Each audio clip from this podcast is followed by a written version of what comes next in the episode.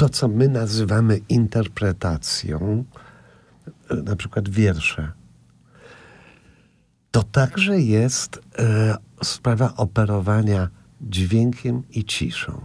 I teraz, jeżeli powiem Litwo, ojczyzno moja, to ta cisza, to napięcie, które tworzy ciszę między otwarciem Litwo.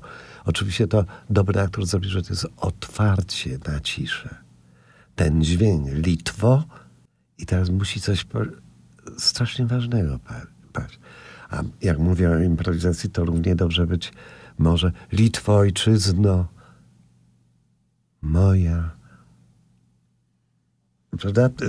To jest kreowanie tego, co jest sygnałem znaczącym, tym, co się wydaje, że jest mniej znaczącym, bo to nie jest brak, cisza to nie jest brak dźwięku.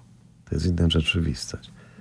No jeszcze dla mnie e, istnieje cisza metafizyczna jako atrybut Boga. Bo jeżeli e, dźwięk to jest coś, co materia nosi, prawda?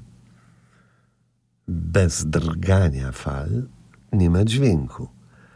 No ale kiedyś nie było przed Big Bangiem, nie było yy, materii. Wobec tego była cisza absolutna.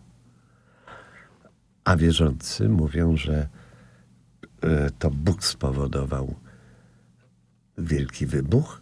Wobec tego atrybutem Boga jest cisza.